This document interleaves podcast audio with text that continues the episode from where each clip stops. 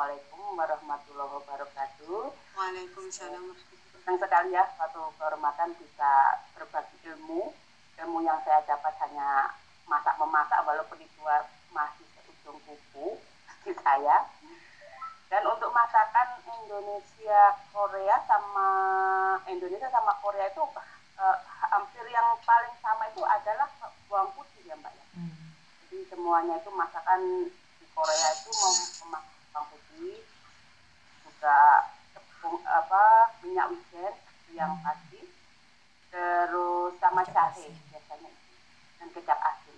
Hampir mirip Ada dengan di. Indonesia ya, tapi lebih simple untuk masakan Korea saya rasa mungkin lebih apa ya kalau saya mem- memberikan ini kesulitan ya lebih baik apa sih yang yang ingin diketahui nanti akan saya jawab itu bagaimana mbak? Eh, bisa Burima tapi mungkin apa ya. yang eh, bahan-bahan dasar dasarnya dulu gitu atau dari cara memasaknya gitu kan. Masakan Korea sama Indonesia itu nah intinya cara memasaknya itu ada apa jenis apa aja kayak gitu kan. Dan mungkin contoh-contoh makanannya biar lebih mudah kali ya. Nanti setelah itu baru ada tanya jawab. Iya sih. Kalau Korea sih sebenarnya untuk eh, masakan kan eh, kita lihat sendiri ya. Menunya itu bermacam-macam kalau untuk Korea itu menu pendampingnya itu yang pasti lab lab eh, piring kecil itu yang kita bikin capek ya kalau kita nggak telaten sebenarnya simple. Hanya rebus biasanya direbus kayak sayuran sawi apa bayam itu cuma direbus. Terus dikasih minyak sama bawang putih sama wijen halus sedikit garam itu aja. Simple. Itu pendampingnya. Kalau di Indonesia kan ribet banget ya ada rempah-rempah apa-apa bumbu itu bumbu itu gitu tapi satu masakan ya kalau Indonesia biasanya kuah sop mungkin pendampingnya ada tempe sama pupuk sudah selesai. Kalau Korea istilahnya makanan pokoknya nasi itu terus ada ikan lauk. pendampingnya itu yang eh, harus ada ya. Jadi bukan hanya itu. satu istilahnya paling tidak ada dua tiga empat untuk pendampingannya. Enggak. Itu mungkin perbedaan Indonesia dan Korea ya. dan bumbunya yang paling dasar yang harus ada itu bawang putih. Korea. Bawang putih dan minyak wijen sama kecap asin. Itu saja kayak saya rasa untuk yang perlu disiapkan di Kan Korea wijen ya. untuk yang pendampingnya kalau di Indonesia kan ada jahe, ada kunyit, apa eh, kemiri, ketumbar gitu kan.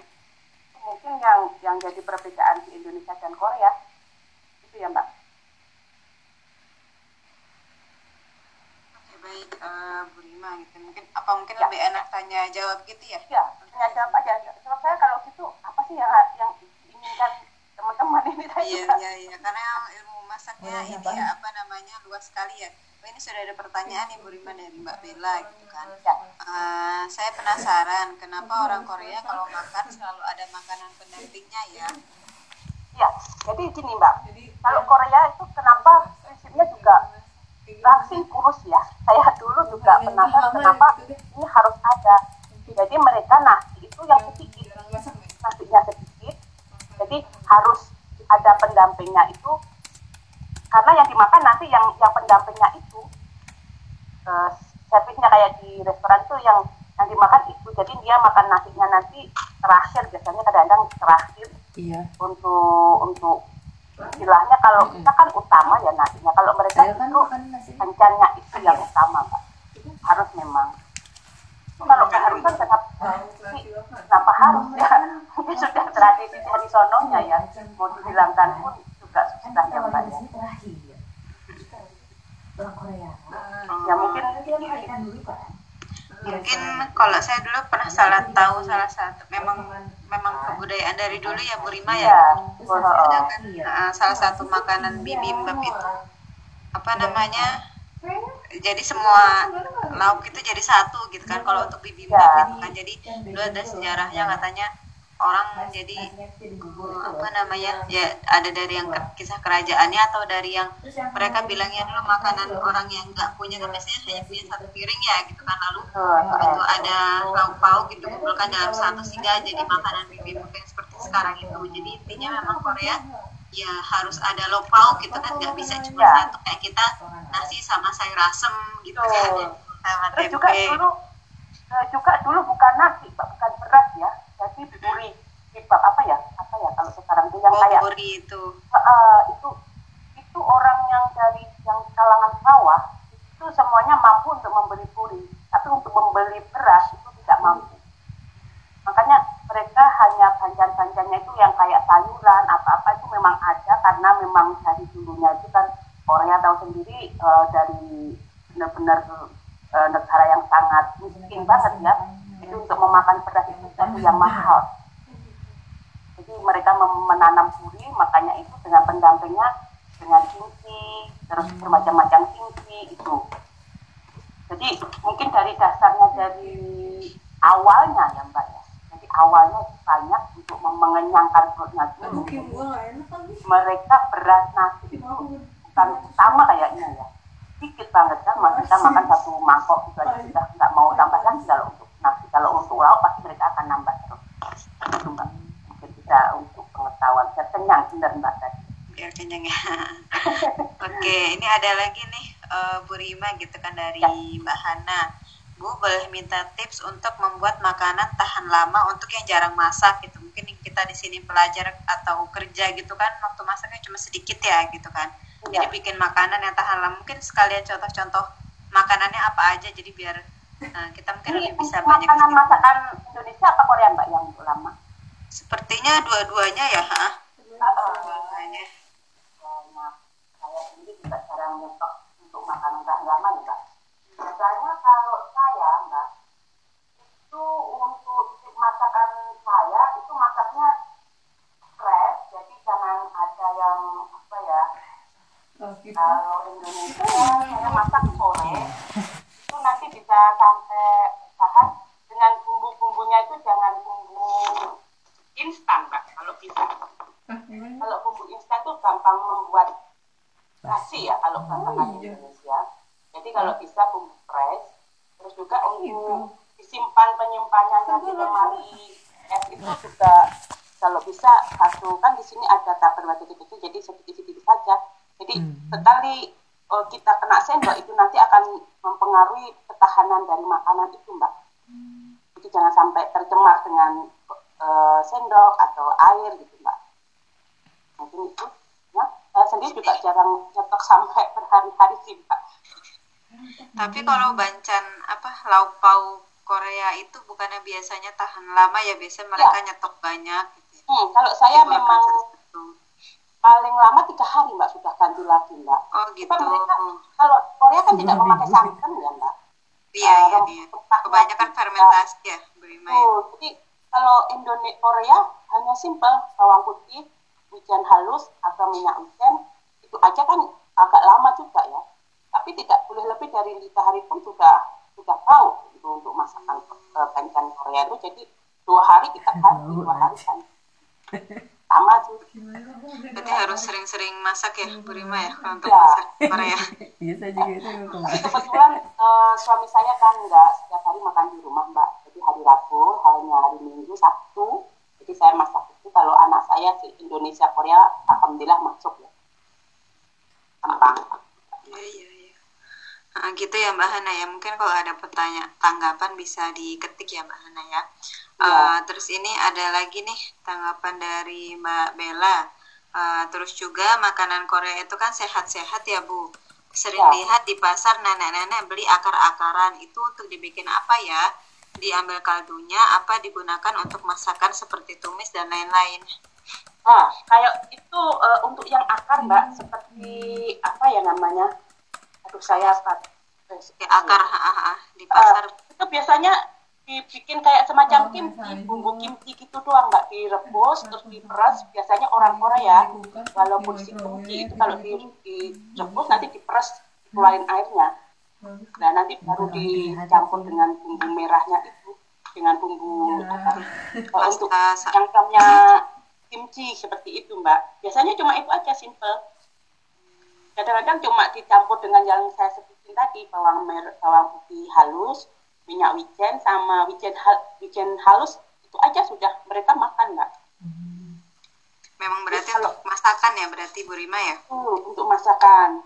Terus biasanya untuk membuat kuah membuat kuah dasar dulu saya juga pernah sampaikan saat kita share ketemu teman-teman eh, daun bawang yang akarnya itu mereka tidak buang mbak itu untuk membuat kuah jadi kuah yang sehat justru dari akar itu terus eh, ada dari akarnya. dicuci bersih dari teri dari ebi kering itu buat buat kuah campuran kuah nanti diangkat. Besar banget. Kalau saya sering lihat mereka kadang pakai lobak itu juga memang buat Oh. makanan kuah ya biasanya ya. ya buat kuah. Eh, karena lobak itu kan eh, banyak sekali mengandung vitamin ya mbak. Kalau kita batuk pun hanya lobak kita kerok sama madu kita makan aja kita batuk kita habis hilang. Gak apa-apa lah. Oh iya iya. Itu ya tadi ya bahan kuah dasar. Berarti emang rata-rata kuah dasarnya Korea dibikinnya pakai itu ya, Bu Rima ya. Iya, jadi kayak mungkin eh, banyak yang kita ragu ya, "Eh, ini halal nggak sih untuk Mm-mm.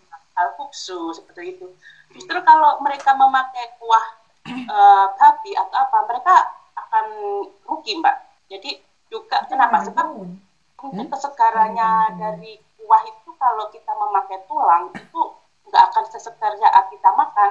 Justru mereka memakainya dengan eh, ebi kering, teri, dan eh, apa miok yang kering itu, Oh yang dasima itu ya.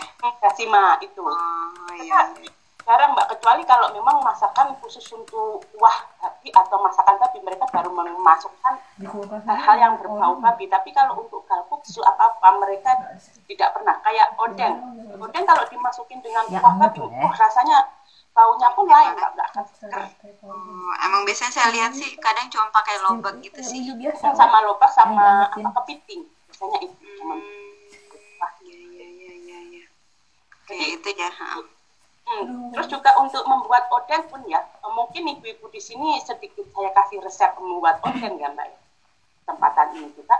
Odeng ini bagaimana sih cara membuatnya? Hampir mirip dengan membuat pempek. Jadi dengan memakai apa tepung kentang, kentang, tepung kentang sama ken- seafood itu dihalusin aja sama bawang. Udah nanti di- sudah tercampur rata, digoreng aja mbak itu nanti mbak adonannya. Itu jadi ombok. Jadi ombok. Lain kali nanti saya posting deh nanti cara Oh memasak. iya iya. Oh berarti sebenarnya hanya itu aja ya resepnya Bu Rima ya odeng Iya, ya. iya. Odeng itu sangat hanya simpel. Saya eh, sa- seperti membuat eh, empek-empek tapi tidak direbus, tapi digoreng langsung. Oke baik. Ini saya lanjut ya banyak pertanyaan nih Bu Rima gitu kan dari Mbak Hana lagi nih. Jadi kalau untuk pengganti ikan tenggiri dan tepung sagu di sini apa ya?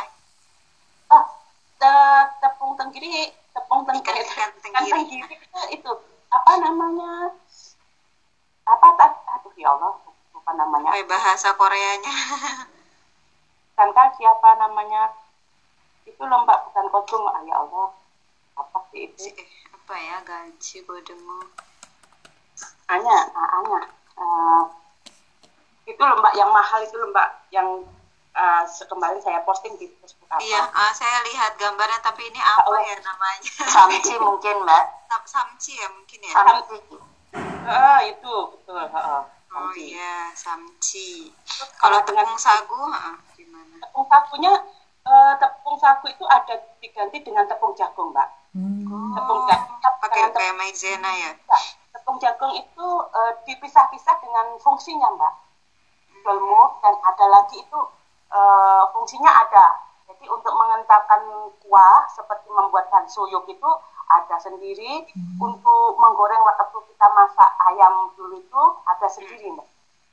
Oh, berarti pas beli tepung jagungnya harus dilihat ininya ya, Ya, tipenya. biasanya biasanya di bawahnya ada tulisannya ini untuk membuat apa-apa itu ada mbak tepung kentang itu. Oke, oke, oke, baik. Hmm. Oh ya nih Mbak Hana tanya tadi yang kita ngomong odeng ya. Kan tadi eh, Bu Rima bilang tepung kentang lalu seafood dihaluskan. Nah, seafoodnya ini apa aja ya, Bu Rima ya? Eh, udang, terus pocingo, apa cumi ya, Hmm, cumi, Oh. cumi. Eh, terus eh, kentang apa tergantung selera mbak. Kalau kita memang mau bikin dengan udang aja bisa, dengan dicampur dengan cumi juga bisa dicampur dengan kepiting isinya itu juga bisa. Terus bila ingin ditambahkan dengan sayuran juga bisa. Jadi anak-anak kan kalau susah makan sayur dimasukkan ke situ aja anak-anak kayak gitu. sayuran juga dihaluskan ya berarti ya? Jadi kayak omuk dari busan itu kan macam-macam ada yang pedas ada apa.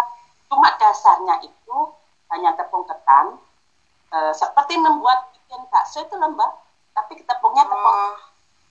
Tepung Ya. kentang ya. Eh, tidak direbus tapi langsung digoreng. Dibentuk-bentuk bentuk langsung oh digoreng. kayak ah. kayak nugget gitu ya Burima ya? Betul eh, jadi membuat omuk seperti itu gampang banget. Berat- berarti bentukannya itu nggak kayak yang dijual di supermarket itu kan? Dia bentukan Ya. kayak habis rebus ya? Eh, eh. enggak itu langsung digoreng mbak. Tidak direbus. Oh emang nanti jadi- jadinya seperti itu berarti ya? Hmm, jadi mau membentuk apa pun ya eh, seandainya mau membentuk kan kita taruh di apa namanya di telenan dulu kita bentuk bulat mau bentuk kotak baru digoreng gitu loh mbak.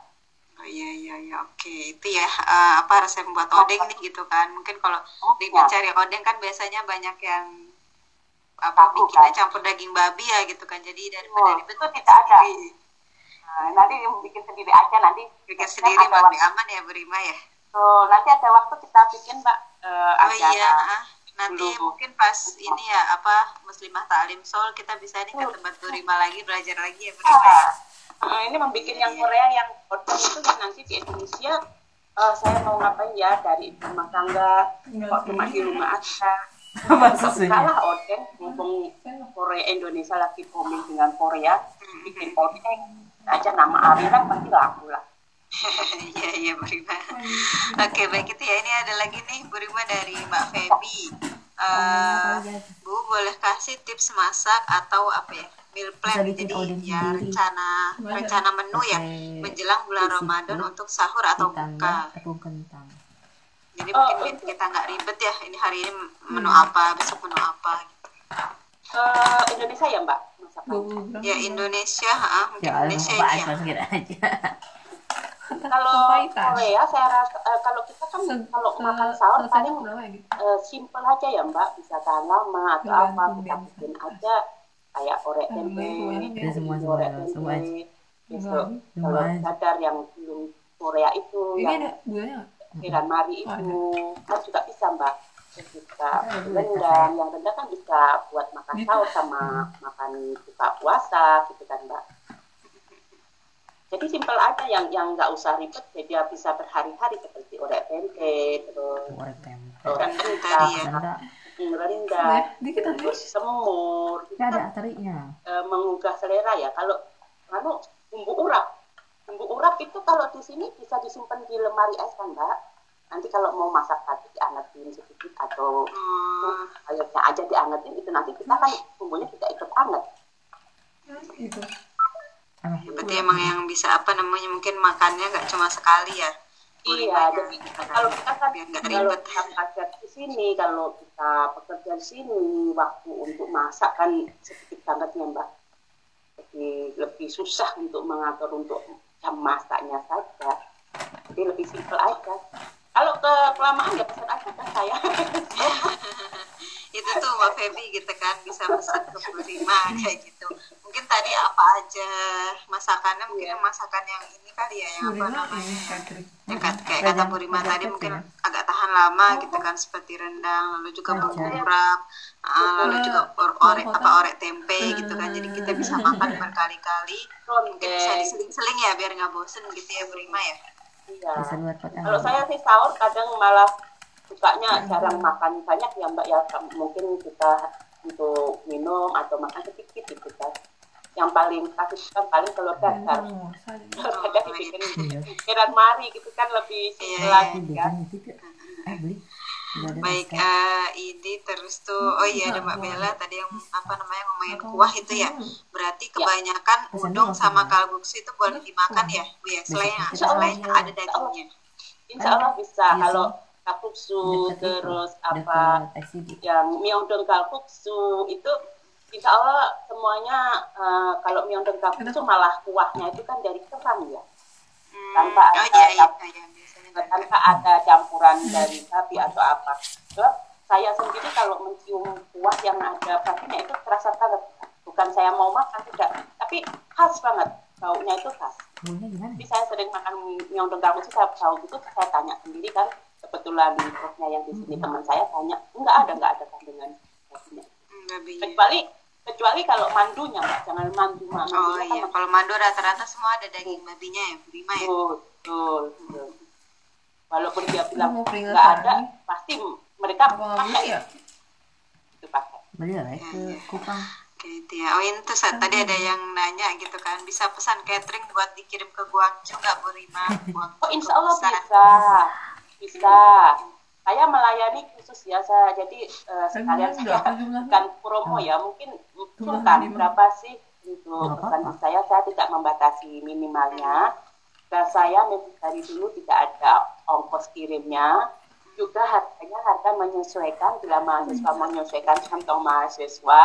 Jadi saya tidak 100% untuk bisnis, Mbak. Insya Allah. Hmm, ya ya, itu bisa ini ya mungkin yang sibuk belum sempat masak bisa pesan nih ke Burima. Nah, ini saya kewalahan Ini sudah jadi menerima juga. serondeng ini minggu depan harus kirim berapa banyak ini mbak. Oh Kalau iya, serundeng- kita lihat di Facebooknya Burima lagi bikin serundeng. Iya, serondeng itu lebih simpel lagi loh mbak. Oh iya, sekali masak ya. Iya, bisa Bisa buat lama makannya. buat makan bubur, makan Oh. nasi liwet, nasi kuning, itu kan enak ya untuk makan serondeng. Ya, Istilahnya untuk sekali tahunya itu aja sudah sudah cukup kan kalau kita. Nggak Berapa? usah banyak-banyak ya sebenarnya kita ya. Cukup Iya. lauk satu, sayur satu. kayak gitu. Terus ini lanjut yang ke kuah-kuah tadi ya Bu Rima ya gitu kan. Iya, Kalau iya. udang kalau jeep jualnya? bagaimana? Baunya gimana? Anyir amis atau enggak kayak gitu. Gak Kalau udang itu ada sedikit baunya, tapi ya mbak kalau udang ya, mereka udang itu kan ada dicampur dengan kayak juga kayak seperti mandu gitu kan juga ada mbak. Kalau udang saya di- Nah, yang saya kan itu yang kalkuksu biasanya justru yang nenek-nenek yang jual di pasar itu mereka tidak akan memakai itu. Pada dasarnya ya mbak, pada dasarnya Korea zaman dulunya tidak memakan babi mbak. Iya iya baru ada tahun berapa akan- itu saya Iya, dengarnya. iya. Mereka tidak memakan babi, jadi mereka hanya memakan eh, dari seafood, dari laut, apa itu aja. Mengenal makan babi itu mungkin setelah kemerdekaan yang saat sekarang lagi Kalau murah nggak salah pas ini, pas setelah Olimpiade Bu Rima. Iya, 88. iya. Mereka dulunya suami saya bilang dulu tidak ada babi itu kita tidak makan. Bukan tradisi Korea sebenarnya babi itu. Mungkin karena mereka merasa enak juga murah, jadi makan. kayak Hmm. Kalau dasarnya justru kalau kita mau makan restoran cari nenek-nenek, pasti mereka jarang memakai. Jadi kalau kan Yang masih pakai resep asli berarti ya Bu Rima Ah. ya. Berapa? Oke, terus lanjut lagi ya Bu Rima ya. Banyak Iya, nih Mbak. pertanyaannya. Dari Mbak Istiqomah, Eh, Bu kenapa kimchi di sini rasanya beda-beda ya? Apa tergantung yang buat atau tergantung bahannya? Pernah sekali makan kimchi yang enak, tidak terlalu asam dan pedas. Nah, resep bikin yang enak seperti apa? Mungkin ini kimchi yang sawi itu ya, yang becu kimchi. Kan kadang ada yang asam banget, ada yang agak pedas kayak. Ya, kimchi mbak. Kimchi kalau kita membuat per keluarga pun itu berbeda. Jadi per daerah antara Incheon sama Busan, beda bakteri ya Busan sama Daegu itu berbeda cara pembuatannya. Jadi rasanya pun eh, ada yang memakai itu tepung beras yang dicairkan, itu juga ada yang memakai ebi, juga ada kan mbak. Jadi perbedaan dari eh, dari per daerah itu mempengaruhi rasa, mempengaruhi rasa juga. Juga macamnya macam-macamnya kimchi itu untuk setiap musim itu juga berbeda mbak. Berbeda. Jadi cara membuatnya untuk musim dingin, musim panas itu berbeda. Aku suka Iya. ini ya enak Mungkin kalau untuk membuat kimchi yang Biar enak, enak gimana? Heeh. kalau saya versi mertua ya mungkin sudah dari dasar didiknya saya membuat membuat kimchi dari mertua jadi saya membuat kimchi dari daerah Yonan Asan itu sama dengan saya membuat mbak jadi kalau saya tanpa memakai tepung beras. Sebab itu nanti tepung beras juga akan mempengaruhi fermentasinya memang kadang-kadang saya juga aneh kan memakai tepung beras tapi kalau saya tidak memakai. Jadi hanya simpel saja tepung apa kucu tar- eh, cabai bubuk terus Tepung beras diapain? eh, Ini buat ikan, kimchi. minyak ikan. Minyak ikannya bisa dipakai dengan ebi yang basah itu mbak Oh iya, Kalau memang dia. oh iya yang kecil-kecil itu udangnya kecil-kecil ya ya. tuh heeh. tergantung daerahnya mbak kalau mau ah aku mau bikin versi busan aku mau versi versi daegu Oh, itu berbeda banget beda-beda. cara membuatnya kalau saya mau tambahannya? seperti ini oh mbak Rima buatnya seperti itu Si- ah berarti lah karena setiap keluarga pun berbeda beda cara membuat kimchi jadi tidak ada sama antara ini tapi dasarnya sama dengan kucu karo eh, minyak ikan sama ebinya itu pasti sama Ebi ya Iya. ya, ya, ya. itu ya eh, Mbak Istiqomah gitu kan terus ini ada lagi nih dari Mbak Istiqomah nah waktu winter kalau nggak salah pernah lihat daun yang sudah direbus dan mirip sekali dengan daun singkong tapi nggak tahu bentuk daun freshnya seperti apa apa Ah, ada sayur bisa. penggantinya ya Bu gitu Daun- pernah googling katanya Itu- daun kare ha. Ya, itu kadang-kadang daun dari lobak, Mbak. Terus eh, kadang juga dari sayur-sayuran semacam sawi. Jadi mereka mau mengeringkan itu dengan maksud apa? Buat stok. Sebab musim dingin saat ya ya dingin, eh, saat musim dingin tidak ada tanaman segar. Jadi kayak kita membuat eh, keringan dari apa ya eh, sayur-sayuran terus nanti kita angkat dengan air panas kan jadi mengembang lagi mbak. Seperti itu mereka sama prinsipnya dengan sayur yang keringkan di Indonesia juga. Mungkin kalau kita pulang ke Indonesia kan bawa keringan nggak? daun-daun kering terus dibawa ke sini untuk daun singkong apa apa itu sama mbak. Terus juga itu bisa diolah menjadi kuah, campuran kuah doenjang jjigae atau kimchi jjigae gitu, atau ditambahin dengan membuat kimchi itu biasanya seperti itu mereka mengolahnya. Namanya serege, kayak serige, kayak sampah. Oh. Seregi. namanya seregi itu ya kayak Iya. oh dari dari lobak ya mungkin ya Bu Rima ya? Ada yang dari lobak juga, terus ada seperti daun sawi juga gitu loh mbak. oh daun sawi. Iya iya gitu ya mungkin Mbak Istiqomah. Jadi nanti mungkin pas mau beli bisa dicari-cari yang daun lobak gitu kan. Atau daun sawi kayak gitu. Oke ini eh, ada lagi nih dari Mbak Dini eh, Mbak Bella gitu kan. Ini masih berhubungan sama yang kuah udang tadi apa namanya Bu Rima gitu kan. Jadi kadang eh, kuahnya itu anyer maksudnya an- kadang kuahnya itu baunya anyer gitu. Nah itu apakah ada babi atau emang baunya seperti itu kayak gitu. Nah lalu eh, kuah kalguksu atau udang yang ada kandungan babinya itu seperti apa? Kalau kuah yang mengandung, ya.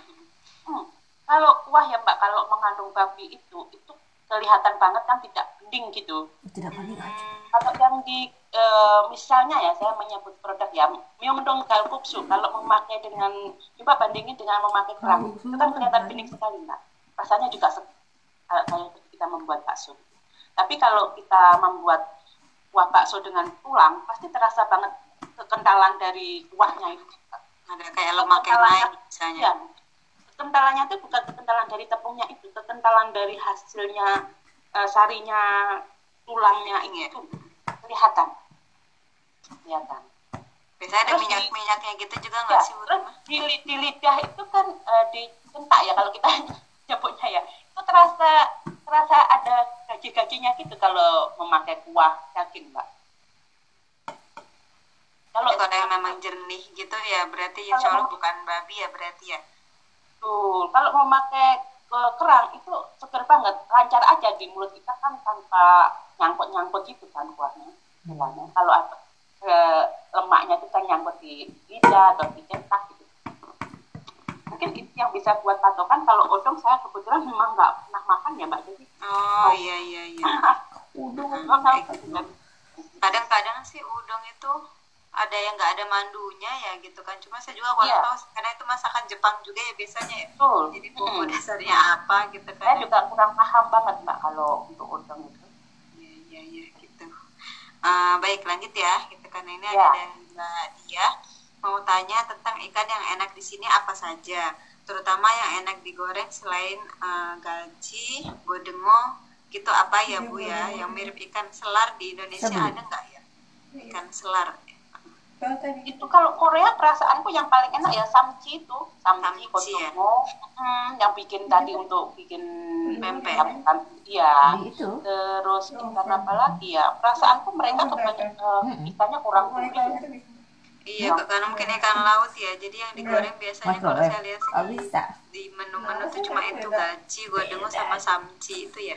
betul heeh. Yang lainnya tuh biasanya buat apa itu? Buat ini loh. Buat uh, turip, sup atau buat Ah. buat yang menteri Jadi gitu. ya kurang enak sih mbak kalau saya menyarankan nggak ada yang enak kurang mungkin laut mempengaruhi ya keasinan dari tropis sama subtropis Dan asinnya itu mempengaruhi sekali kan coba aja eh, untuk udang saja udang dari Thailand sama udang dari Korea lebih gurih dari Thailand Oh gitu. heeh. Justru orang Korea karena mungkin mereka tidak kalau kita terbiasa dengan merasakan gurihnya udang dari Indonesia saat mema- memakan udang dari Korea itu kan kurang gurih Mbak. tapi justru ikan eh, udang yang dari Korea lebih mahal dibanding dengan udang dari Thailand Hmm. sebab mereka Malah orang Korea apa lebih senang udang Thailand dan jangan. Enggak. kan mereka lebih menghormati eh, lebih mencintai hasilnya produk negeri sendiri Hmm. anaknya. Padahal saya, kalau saya bilang, enakan Thailand. Padahal dijual murah. Mereka nggak akan mau beli. Men- Mending beli yang mahal punya Korea. Bilang gitu. Hmm, saking ininya ya, cinta negerinya ya. Ya, Terus kalau yang punya Thailand sama Vietnam, lebih enak soalnya. Oh, iya iya ya. Ntar mungkin pas beli udang saya Ya, lihat deh, Pak. mana aja. Eh, Haiko, Kusan, terus Vietnam. Aja yang itu Pak, lebih gurih. Hmm, Yang Korea, asin nggak sih Korea? Iya sih, Gurih meskipun enak tapi asin kurang dan gurih. enggak. ya. Ya. Ya. Kalau misalkan kayak ikan tongkol gitu, apa ya di sini ya? Gurih-gurih. Ikan Tiba-tiba Godongo, jadi Pak. kepikiran ikan tongkol. Oh, godengo itu ya? Oh, Godongo tapi nggak sehitam udah beli ikan tongkol udah kan sama bagian tongkol ada kulit tuh. dua-duanya. juga rasanya juga. Eh Mirip. Jadi harus dengan garam dulu kalau sini kita mau masak ikan garam. Kenapa kalau di pasar itu kan mereka penjual ikan pasti bilang kasih garam itu untuk mengasinkan itu. Hmm. Kalau Oke. Mengasinkan. Eh, lanjut lagi ya. Nggak Bu. Dimain tadi kalau tentang ikan, oh ya, kata Mbak Dini ada yang mirip ikan selar yang panjang, Kasih tapi garam. yang mahal. Iya. Pak. Perasaan saya malah kayak bukan. Minyak Iya, aja. iya. Artinya di sini pun eh, kan kalau di Indonesia layur ya. Benar-benar layar. Ya, layur di sini sama Korea lain sekali. Korea sama Indonesia lain sekali. Ini benar-benar tidak pulih kalau kita tidak lapin dengan garam. Iya, iya, iya, iya. Oke, berarti emang itu tadi ya lautnya mempengaruhi ya kayak gitu. Ya, lautnya mungkin subtropis sama tropis. Ah, Oke, lanjut lagi ya, Bu Di mana ada pertanyaan dari Mbak Rufai. Ah, untuk serundeng tadi biasanya tahan berapa lama ya, Bu? Cara Oh, awet biar biar awet dimasukkan kulkas aja Mm-mm. atau ada sebuah sebenarnya dari Indonesia. Seminggu lebih bisa awet mbak. Abon Yang terekel. pekerja Indonesia, kalau mereka kan juga jarang ya. Bulan. Jadi dagingnya saya masak dulu mbak. Jadi saya masak dulu bukan saya langsung masukkan itu. Insya Allah saya memakai daging halal juga ya. Saya pilih walaupun tak- kalau beli daging halal di sini tuh susahnya minta ampun sebab kebanyakan dagingnya daripada dagingnya. Hmm. Jadi saya pilih dagingnya.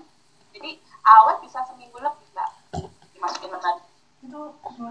Kadang tuh kalau saya di rumah Hmm. itu masak serundeng ibu saya tuh bisa sampai berminggu-minggu gitu sih Nanti ada itu jadi kalau sampai kering banget ya listnya. Iya. Waduh. jadi bisa Nanti. bisa lama gitu dua minggu gitu bisa Ya. Jadi saya juga nggak tahu. gitu. untuk mengeringkan serundengnya itu kan kita aduk sampai tiga jam nggak berhenti aja. over sama fitness gitu.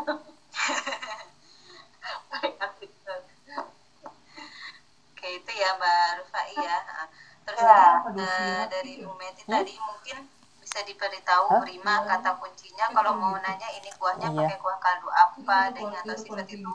Enggak Koreanya mau gimana gitu kan jadi biar teman-teman di sini kalau mau nanya itu Lauknya enak aja. Eh, tanya aja Yogi Wiji Koki dari saya bilang gitu aja nanti dia akan jelas Saya dong. itu Samson Wiji Koki ya bilang gitu aja mereka akan tahu Batu itu aja batu. Oh, Mau nggak?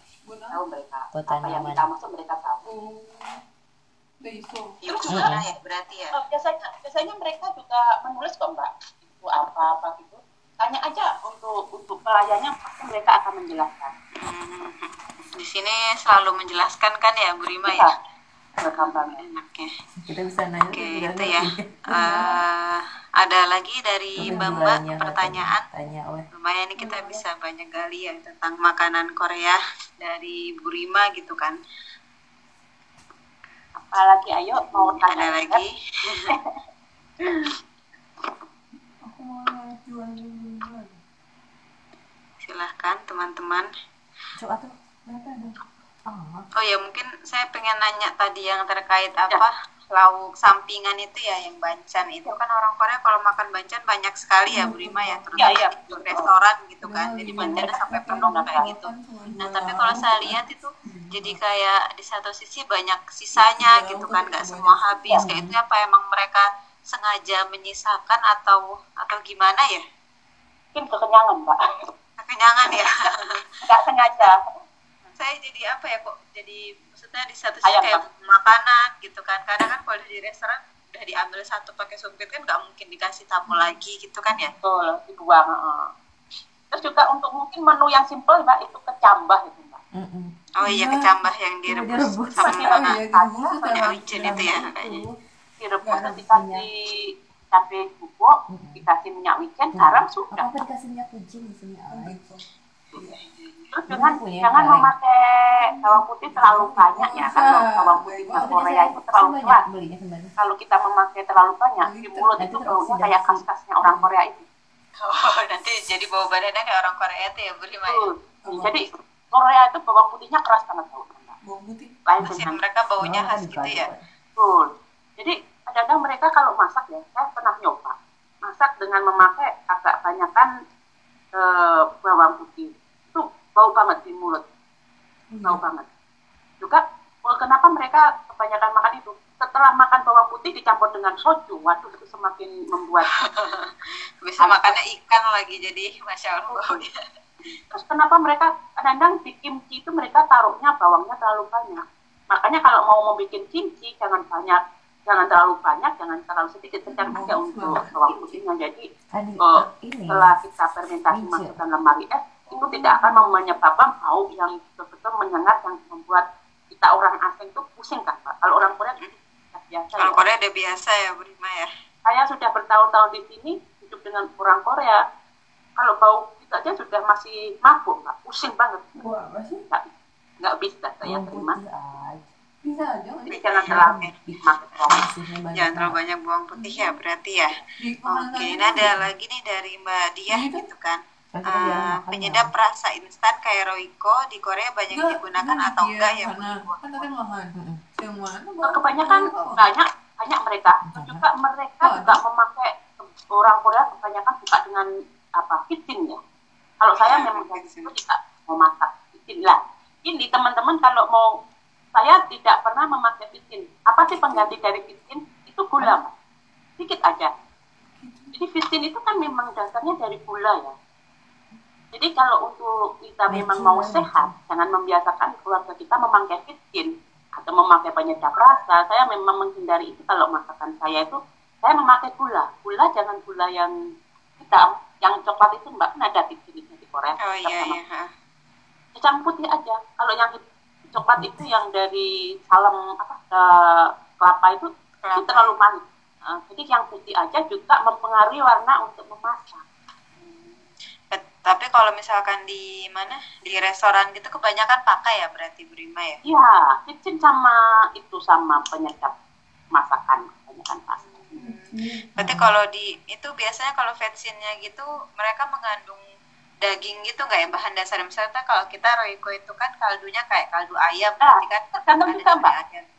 Betul, itu tergantung juga kan ada jenisnya eh, ada penyedap rasa yang memakai bahan dari kepiting, dari teri. dari daging itu ada sama dengan yang di Indonesia kalau yang di yang dari teri itu nggak nggak mengandung tapi mbak benar. Tapi berarti kalau misalkan di restoran gitu kita susah buat memastikan ya maksudnya vaksinnya pakai Betul. apa gitu kan? betul betul, Gak mungkin ya kita nanya ke Tapi kebanyakan mereka. mereka sukanya yang pakai teri mbak Teri ya biasanya ya. ya teri Terus juga juga. mungkin ibu-ibu di sini bagaimana sih cara bisa masak Korea? Saya mau tanya siapa kan? Ini ini cara saya dulu waktu saya pertama mau masak Korea, Mbak.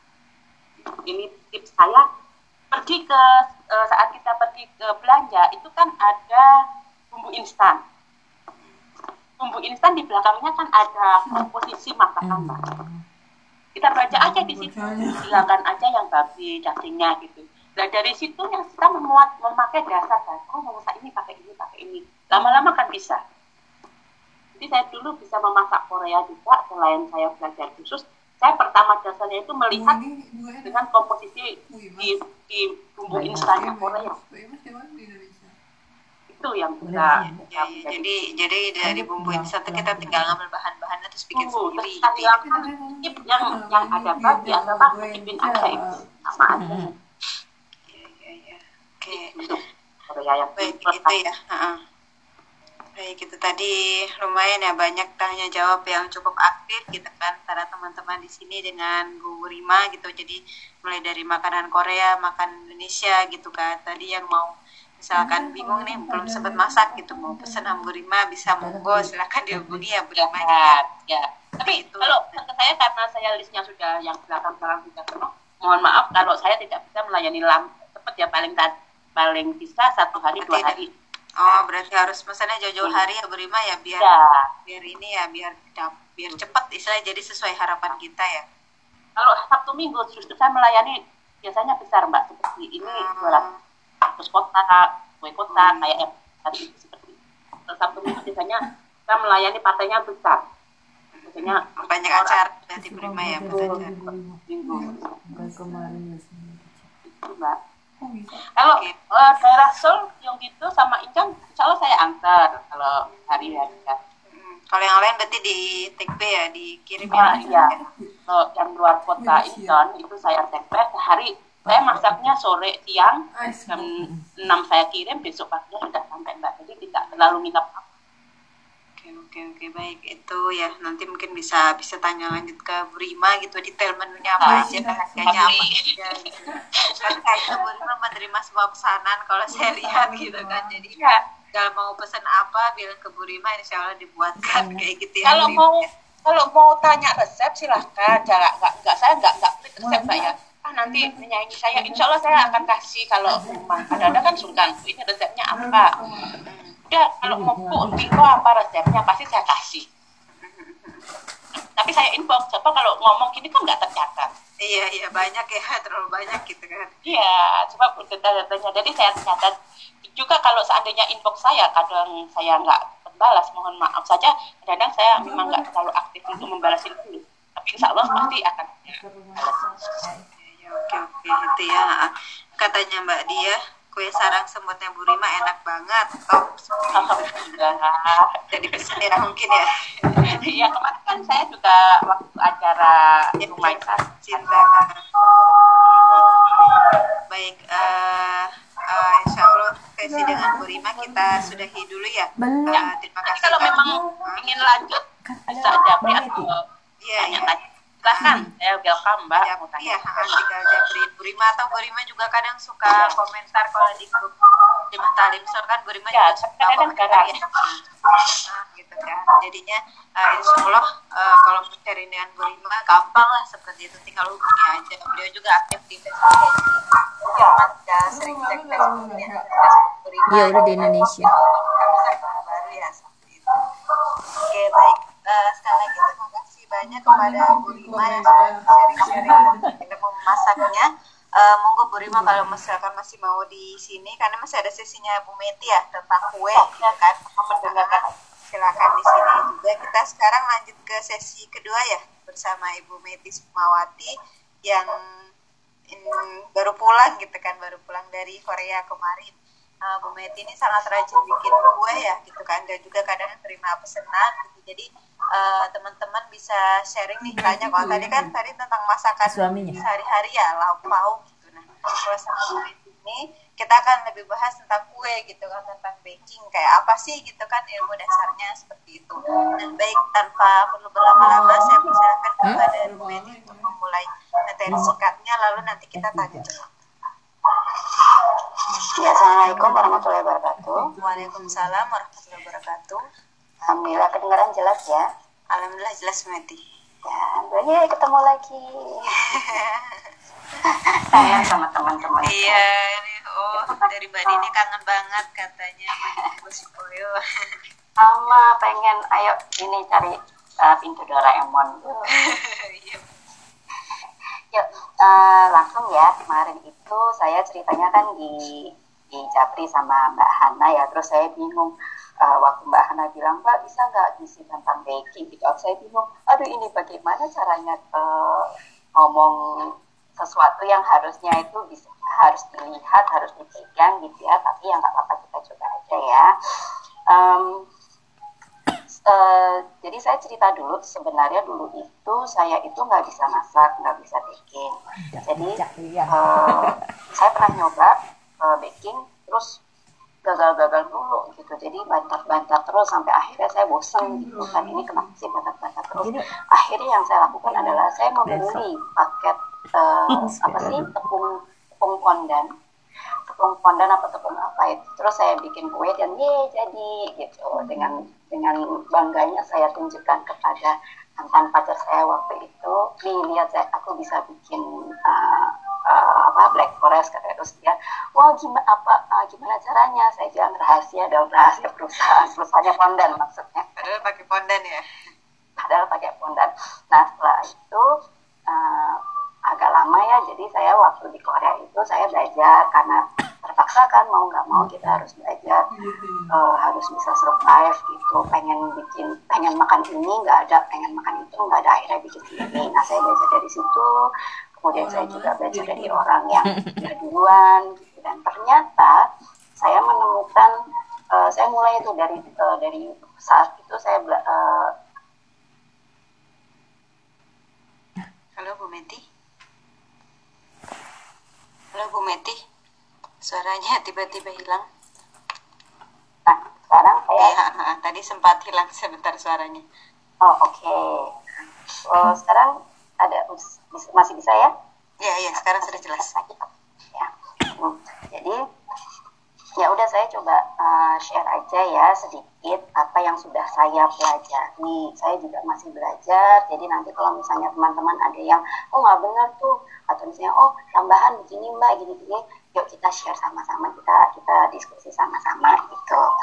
Nah eh, yang satu satu yang harus diingat adalah kalau misalnya baking itu eh, jelas tidak sama dengan memasak ya. Jadi maksudnya kalau masak itu kan kita punya feeling gitu. Feeling ah ini kurang garam tambahin garam, ah ini kurang gula tambahin gula gitu.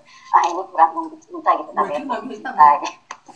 Kalau misalnya itu eh, mau nggak mau kita harus mengikuti eh, resep walaupun katanya roti bolu bantet yang apa itu namanya si apa brownies yang katanya bukan bantet tetap aja ada resepnya dan itu kalau misalnya mau enak harus kita ikuti uh, step-stepnya gitu yang benar gitu.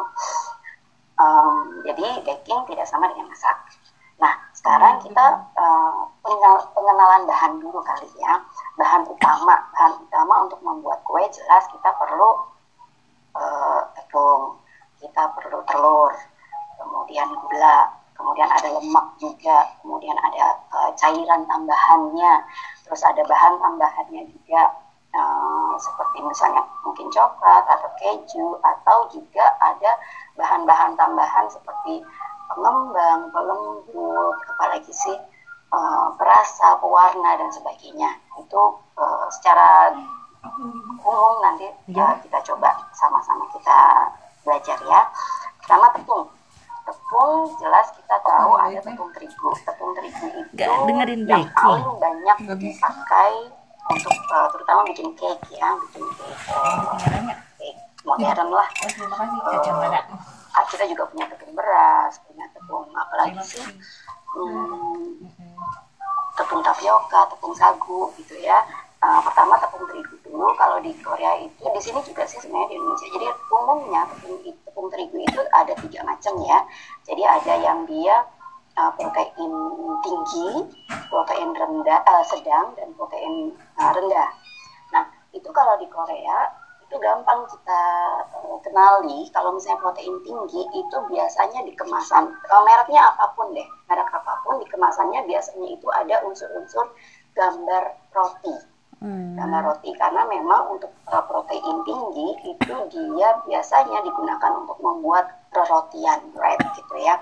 Jadi kayak donat atau juga uh, apa martabak. Kemudian apalagi ya roti roti roti apa namanya uh, pizza. Pizza juga kita lebih baik pakai uh, tepung protein tinggi. Atau juga kadang-kadang aduh yang hijau apa sih mbak mbak Rima namanya mbak? Oh, pakis pakis juga saya biasanya pakai tepung protein tinggi. Kemudian jadi dia gambarnya gambar roti ya ada juga protein sedang. Protein sedang itu biasanya dia gambarnya gambar eh, gandum. Gambar apa sih? Tanaman gandum itu. Karena dia itu yang paling umum kan untuk eh, kebanyakan eh, jenis makanan yang mengandung tepung kalau bikin mandu pakai itu kalau saya bikin cake itu yang rata-rata saya yang uh, protein uh, sedang. Kemudian yang paling bawah itu protein rendah itu biasanya dipakai untuk buat is jadi dia uh, karena seperti dia mengandung uh, baking powder atau baking soda uh, yang uh, membuat si cookies itu dia, lebih renyah gitu. Makanya dan juga dia tidak mengembang uh, dengan tidak setinggi dengan uh, protein rendah, sedang dan atau tinggi gitu. Uh, itu tentang terigu. Kemudian juga ada maizena. Maizena di Korea itu. Oksusu bunmat itu juga sering dipakai untuk uh, pembuatan kue tidak banyak. Uh, seringnya itu hanya hanya untuk campuran sedikit saja. Uh, lalu juga ada tepung kalau uh, Indonesia itu sering kita pakai tepung tapioka atau Hmm. tepung sagu. Nah, sebenarnya tepung tapioka dan tepung sagu itu beda ya. Kalau tapioka itu kan dari singkong, kalau sagu itu dari sagu. Dan itu sebenarnya teksturnya kalau misalnya di dipegang dengan tangan itu beda. Jadi tepung sagu itu dia lebih keset dan lebih ringan.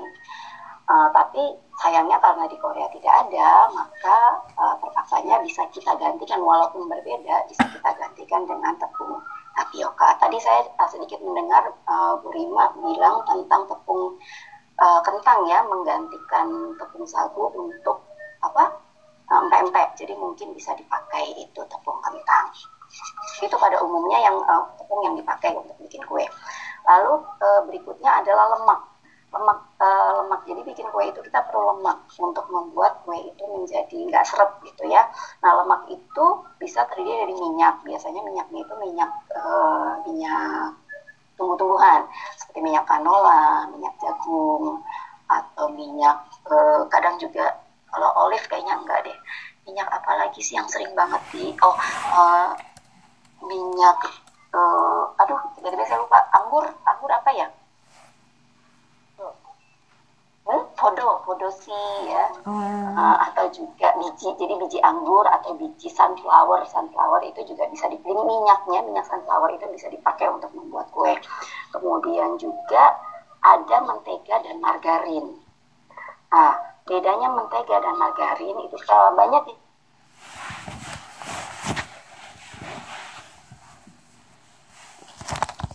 Halo Bu Meti Suaranya hilang lagi. Oh iya ya dan sebaiknya oh, oh, sebaiknya tidak di eh, apa ya bisa diganti bisa ganti eh, bisa apa ya saling menggantikan tapi akan mempengaruhi rasa dan tekstur nanti. Jadi kalau mentega dia itu adalah lemak dari hewani lemak dari hewani makanya kadang eh, kita agak sulit ya menemukan mentega yang halal di Korea Eh, lalu juga ada margarin margarin itu adalah lemak nabati lemak nabati. Kalau yang contoh di Korea itu ada I cannot believe it's not butter, itu adalah margarin. Juga ada eh, yang dari Seoul Uyu itu juga margarin yang dia keras gitu, yang ada yang olive, ada yang susu gitu ya, itu itu dia margarin. Pokoknya yang keras-keras itu margarin. Nah, eh, bedanya apa? Bedanya kalau kita pakai mentega itu eh, membuat eh maaf ini suara ribut-ribut kedengaran nggak ya dari sana?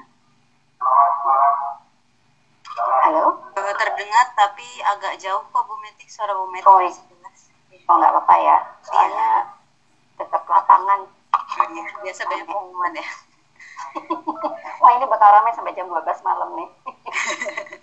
Sekarang lagi final ini, lagi final pertandingan voli. Oh, pantas rame. ramai banget pokoknya dah. Ya. lanjut ya Bu Meti. Ya lanjut. Eh, itu tentang lemak ya. Ah, jadi beda mentega dan margarin. Oh ya, eh, mungkin teman-teman bertanya mentega kalau yang di Korea yang halal yang mana ya? Eh, saya bisa kasih eh, merek ya. Mana? Eh, yang insya Allah sudah halal dia halalnya itu sudah tercetak itu itu ada di Anchor Anchor kemudian juga lorpack lalu satu lagi itu LNVR LNVR itu juga dia mentega dan dia insya Allah halal certified ya. Jadi bisa uh, jadi dia lorpack oh. apa lagi kita eh, saya lorpack kemudian Ya, Ibu Rima mungkin bisa di apa? Di mute. Kedengar nggak ya Bu Rima ya? Oke, saya lanjut aja ya, nggak apa-apa. Ada tadi Anchor, kemudian Lurpak, kemudian uh, LNVir, kemudian ada lagi sebenarnya Soul Uyu, eh, keluaran Soul Uyu, tapi yang fresh butter. Eh, sorry, iya, yang fresh butter. Jadi yang dia bentuknya kotak, bukan yang morning spread butter. Kalau yang morning spread butter itu dia uh, ada apa ya? Pe- aduh sebentar saya mau nutup jendela dulu kayaknya ramai banget Eh, jadi dia itu ke apa ya pengemosinya itu nggak jelas kalau yang di uh, morning spreadnya Soul Uyu jadi sebaiknya dihindari. Oke itu tentang butter. Nanti mungkin bisa ditanya-tanyain lagi kalau masih ada yang mau bertanya. Kemudian gula. Gula itu kalau di Korea itu enak banget gulanya karena dia termasuk jenis granulated. Granulated itu jadi butiran-butiran gulanya tuh dia lebih lembut lebih halus dibandingkan dengan gula biasa gula yang ada di Indonesia. Jadi untuk bikin kue itu dia lebih gampang karena dia uh, cepat lumer gitu. Nah kemudian kita gula itu ya granulated uh, sugar jadi beda dengan gula pasir. Granulated sugar gula pasir kemudian ada gula halus uh, dan gula donat kalau di Indonesia. Kalau di Korea gula halus itu biasanya juga untuk donat. Nah kalau di Indonesia itu beda gula halus dan gula donat. Biasanya untuk uh, kue kering itu kita pakainya gula halus. Sedangkan kalau gula donat itu dia lebih tahan panas gitu. Jadi kalau misalnya donat diiniin panas-panas atau misalnya putri salju panas-panas gitu dia nggak akan lumer gitu. Itu pakainya gula donat. Ya itu tentang gula. Lalu uh, telur ya telur jelas uh, kita pilih yang segar. Ciri-ciri yang segar itu yang kalau kata juga kemarin yang lagi rame-rame di Indonesia itu yang telur palsu katanya padahal itu tuh telur segar. Jadi dia itu kalau kita pecahin itu uh, kuning telurnya itu masih bulat gitu, bulat utuh dan putih telurnya pun masih utuh gitu. Jadi kita pecahin dia nggak mepiar gitu, nggak uh, melebar. Nah itu ciri-cirinya lebih uh, masih segar. Halo, suara saya masih kedengaran ya? Halo? Halo? Masih Jelas, Mbak, jelas. Ya, Oh ya ya. jelas. Maaf. Ya.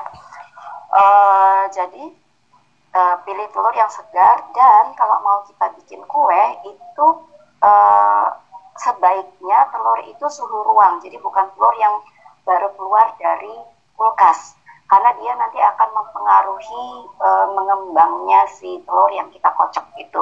Jadi harus suhu luar kita diamin dulu lah sekitar satu jam atau setengah jam gitu ya. Kalau misalnya kita nggak ada waktu, mungkin bisa kita rendam dulu dengan air hangat-hangat itu eh, sekitar mungkin lima menitan gitu, baru bisa langsung kita pakai telurnya. Jadi jangan yang langsung keluar dari eh, kulkas.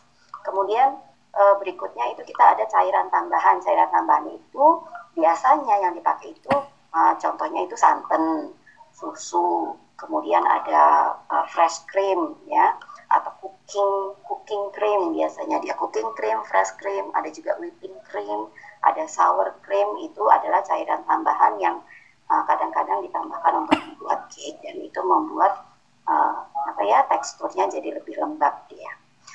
Uh, sepertinya itu kemudian nanti ada uh, bahan tambahannya coklat, keju, kemudian pewarna, perasa itu mungkin bisa nanti kita tambah tambahin aja karena itu tidak terlalu ini ya, bukan yang utama gitu.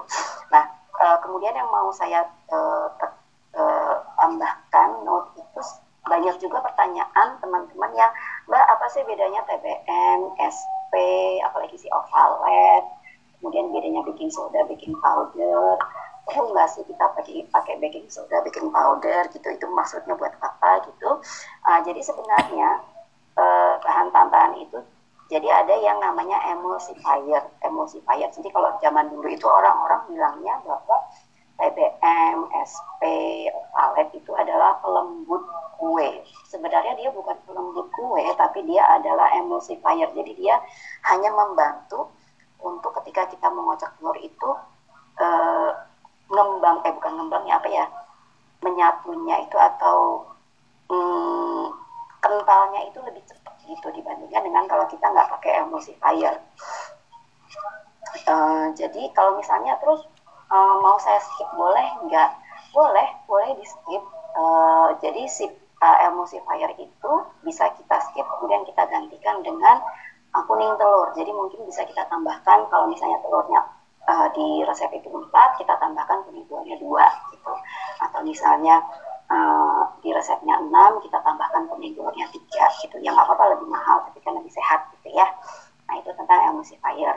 Kemudian ada juga yang namanya racing agent. Racing agent itu yang sering kita eh, tahu itu ragi, kemudian baking soda, baking powder, kemudian ada cream of tartar itu juga termasuk racing, racing agent. Eh sorry, cream of tartar dia termasuk sebenarnya eh, pengental putih telur itu nanti ya.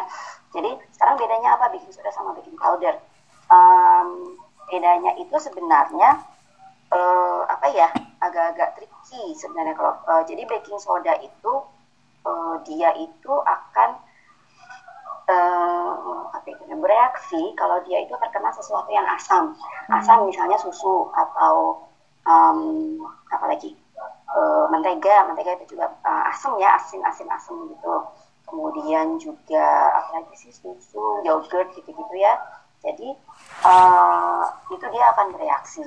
Nah uh, kalau misalnya baking soda itu dia sebenarnya ada baking eh sorry baking powder itu ada unsur baking sodanya plus ditambahkan beberapa uh, zat-zat yang lainnya. Jadi dia itu fungsinya adalah menaikkan uh, adonan ketika sudah di dalam oven Hmm. Hilang lagi.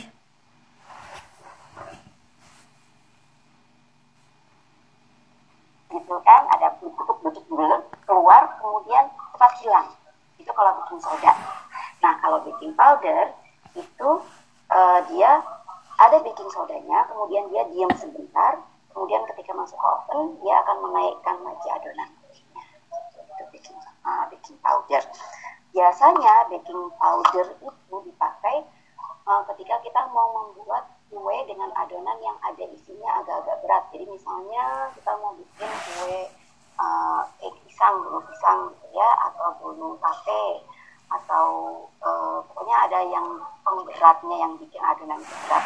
Nah itu kita perlu ditambahkan baking powder di dalamnya supaya dia uh, bisa naik dan uh, tahan naiknya. Eh, Oke, kemudian selain emulsifier yang saya eh, sebutkan tadi itu kita juga, nah ini di, di Korea itu eh, TBM, SV, ovalet itu selama saya di Korea saya hampir tidak pernah bisa melihat eh, unsur itu ada di dalam eh, ingredients kue-kue yang eh, dijual di pasaran. Gitu. Mereka nggak eh, nggak pakai itu semua, nggak pakai TBM, SP dan sebagainya. Tapi mereka pakai penggantinya emulsifier juga itu dari lecithin.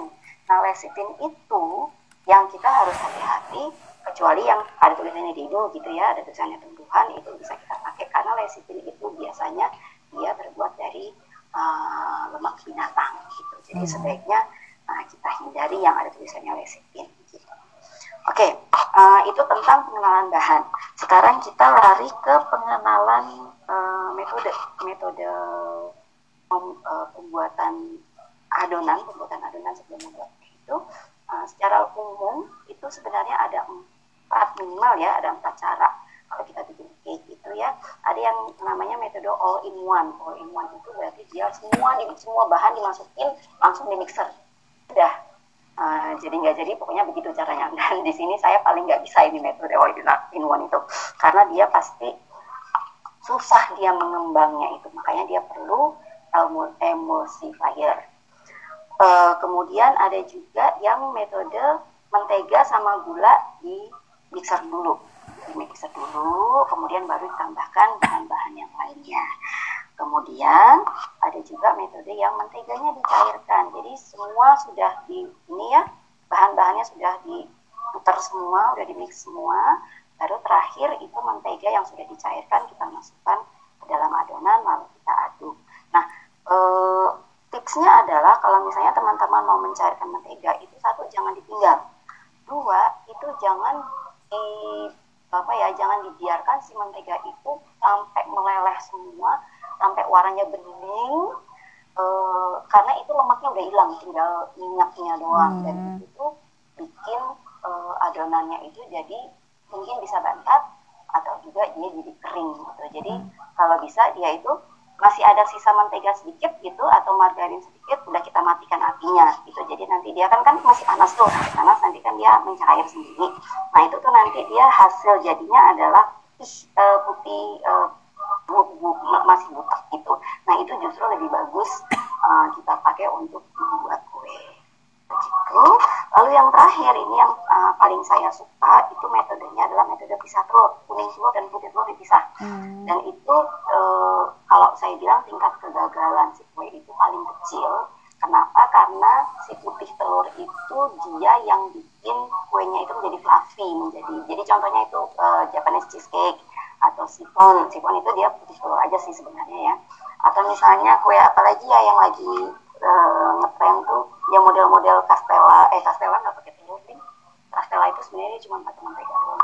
Jadi itu eh, dipisahkan telurnya. Nah eh, tipsnya adalah kalau misalnya mau kita eh, mengocok putih telurnya itu pastikan eh, wadahnya itu bersih bebas gula ah, bebas lemak bebas minyak kemudian kering. Jadi dan tidak ada sedikit pun kuning telur yang ikut masuk.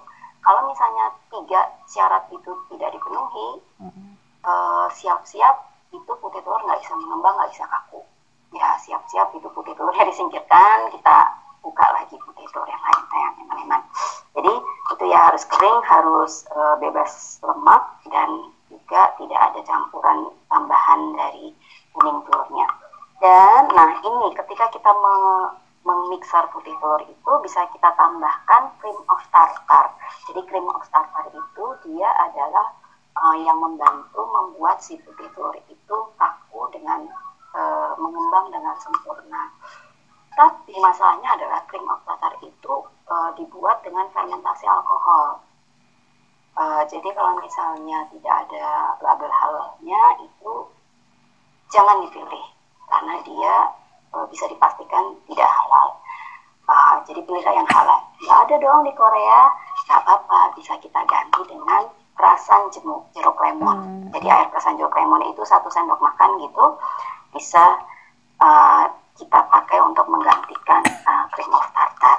Jadi cream of tartar baik-baik aja deh, mendingan kita yang udah wangi pula kan, pakai lemon kan, lebih enak pula, lebih lebih natural ya kita pakai itu aja.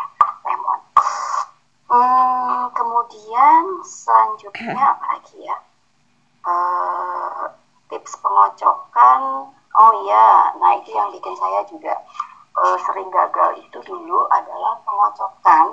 Itu kan kadang-kadang kalau kita eh, baca resep ada tulisannya ya, kocok telur selama 20 menit gitu atau kocok telur selama 30 menit. Itu jangan dijadikan patokan uh, saya me- memakai itu sebagai patokan hasilnya adalah saya bantat jadi patokannya adalah uh, fisik fisik si hasil kocokan telurnya itu.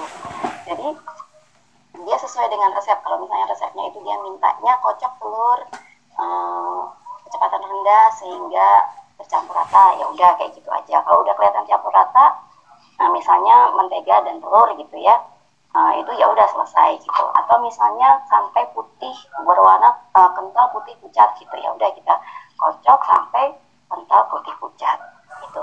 Atau misalnya dibilang sampai kental berjejak kemudian membentuk ketika diangkat membentuk pita. Nah itu yang benar-benar harus di harus diperhatikan gitu. Jadi benar-benar kita eh, yakinkan bahwa si adonan itu benar-benar kental kemudian berjejak. Jadi bunyi-bunyinya udah gak ada lagi. Kemudian ketika si mixer itu kita angkat kita angkat itu adonan ini dia jatuh kemudian dia membentuknya kayak eh, jatuh kayak pita jatuh gitu. Jadi ada jejaknya yang dia tidak langsung hilang gitu. Nah itu eh, insya Allah adonannya sudah siap untuk di eh, eh, dilanjutkan ke step berikutnya. Jadi jangan terikat berapa menit gitu ya. Hmm, tem- eh, kemudian kalau misalnya tentang putih telur itu ada juga yang dia bilangnya sampai pick atau jamur petruk atau hard pick atau kaku gitu. Nah itu eh, kalau misalnya dia soft soft pick jamur petruk itu ketika kita kocok ya kita kocok kemudian eh, si mangkok itu kita balik mangkok kita balik itu putih telur nggak akan jatuh berarti dia sudah siap. Hmm. ya. Nah tapi kalau misalnya kita balik tapi kemudian putih telurnya masih meluncur mau jatuh gitu berarti itu belum siap kita kocok lagi. Kemudian eh, si apa itu namanya mixernya itu kita coba angkat gitu ya. Kalau misalnya dia soft pick itu eh, dia hasil angkatan si mixer itu akan membentuk kerucut kemudian ada kayak eh, apa ya tanda tanya gitu. Jadi kayak ada jambulnya gitu. Jambul ada kayak poninya gitu. Nah itu yang namanya soft pick jambul petruk gitu.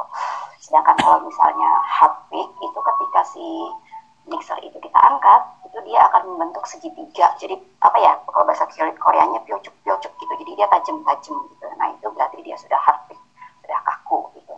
Nah itu perlu diperhatikan. Jangan sampai kalau misalnya kita dimintanya di resep itu dia soft pick kemudian kita bikin bi- eh, kita kocoknya sampai hard pick nanti dia jadinya eh, kuenya jadi apa ya keras. Eh bukan keras apa namanya nggak lembut gitu. Jadi dia seret eh, jadi kayak cake biasa gitu. Hmm, ya itu tentang pengocokan oh ini ada pertanyaan gimana? Eh, mau kita kita apa seselin pertanyaan atau lanjut dulu sampai selesai atau Dari Ibu Meti masih banyak kah? Eh, sebenarnya ini tinggal ini sih tinggal pengenalan oven aja sih. Oh ya. Kalau- Mungkin nggak apa-apa dilanjut dulu nanti Dilanjut biar teman-teman dulu di ya. sini dari sekarang udah bisa mulai ngetik ya. Jadi Oh, nanti ha. bisa materi Ya, ya. bisa langsung kita. Oke, ya ini uh, terakhir itu tentang pengenalan oven ya. Jadi uh, oven itu kalau saya bilang kita harus uh, sama seperti mengocok telur, itu kita jangan uh, jangan berpatokan pada uh, panggang selama 60 menit gitu atau misalnya panggang api besar, api kecil dan sebagainya. Oh, jadi sebenarnya oke sebelumnya saya akan memberitahu juga kalau misalnya teman-teman berniat untuk membeli oven gitu ya, itu pastikan bahwa ovennya itu jadi oven itu kan ada beberapa macam banyak macamnya sebenarnya ya. Jadi ada yang toaster, oven toaster, ada yang oven uh, oven biasa, ada yang convection dan sebagainya. Jadi kalau yang oven toaster seperti punya saya dulu di Korea, itu tuh dia nggak ada penyesuaian, uh, nggak ada settingan api atas atau api bawah. Jadi dia kita nyalain udah aja dia manggung atas bawah nyala semua gitu. Nah itu luar biasa itu benar-benar nggak bisa ditinggal itu dan benar-benar harus tahu gitu ininya. Jadi eh, kalau bisa pilih yang ada setelan api atas dan api bawah gitu. Api atas aja atau api bawah aja atau dua-duanya juga bisa gitu. Nah kemudian eh, kadang-kadang kita ini ya sering-sering dengar itu uh, adonan diputar-putar gitu Uh, geser kiri geser kanan gitu biar nggak gosong kiri gosong kanan gitu itu oven saya banget gitu oven saya dulu yang di Korea. Nah, jadi kalau gimana caranya ngetes itu si oven itu panasnya ada di daerah mana, bagian mana, apakah depan atau belakang atau tengah gitu ya, atau bawah atau atas gitu. Nah, uh, bisa kita coba dengan cara uh, kita ambil tepung, uh, sorry bukan tepung, uh, roti, roti putih ya, uh, roti tawar itu kita potong-potong, kita jajarkan di uh, rak di ini ya di traynya itu ya kita jajarkan kemudian kita panggang. Jadi semua semua tray itu tertutupi dengan roti gitu ya. Kemudian kita panggang udah nggak usah diapa-apain gitu. Nah lalu kita lihat.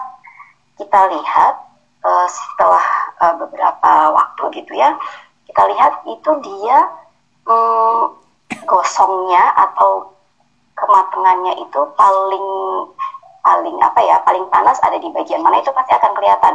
Yang paling gosong berarti dia akan yang paling panas gitu. Yang paling nggak gosong berarti dia yang paling rendah. Kalau misalnya dia rata berarti alhamdulillah ovennya bagus gitu. Jadi nggak usah diputar-putar uh, adonannya gitu. Itu tentang oven ya. Kemudian jangan lupa um, sebelum memasukkan adonan ha pastikan harus oven itu sudah panas dan sudah sudah dipanaskan. Jadi jangan uh, adonan masuk baru dipanasin ovennya. Jangan itu nanti nggak uh, akan mengembang rotinya ya kuenya. Tapi kita panasin dulu sesudah panasnya cukup suhunya kita yakin sudah benar.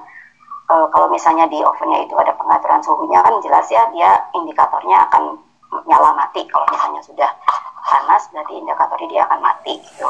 Kalau misalnya belum panas dia indikatornya nyala terus gitu. Kalau udah mati berarti dia panasnya sudah dari yang kita set ya. Kalau misalnya kita nggak punya pengukur suhunya ya udah belilah beli ada ada apa uh, uh, pengatur uh, bukan pengatur termometer yang bisa masuk ke dalam oven itu investasi bagus juga kita beli untuk uh, akan kepake. Jangan jangan takut nggak kepake.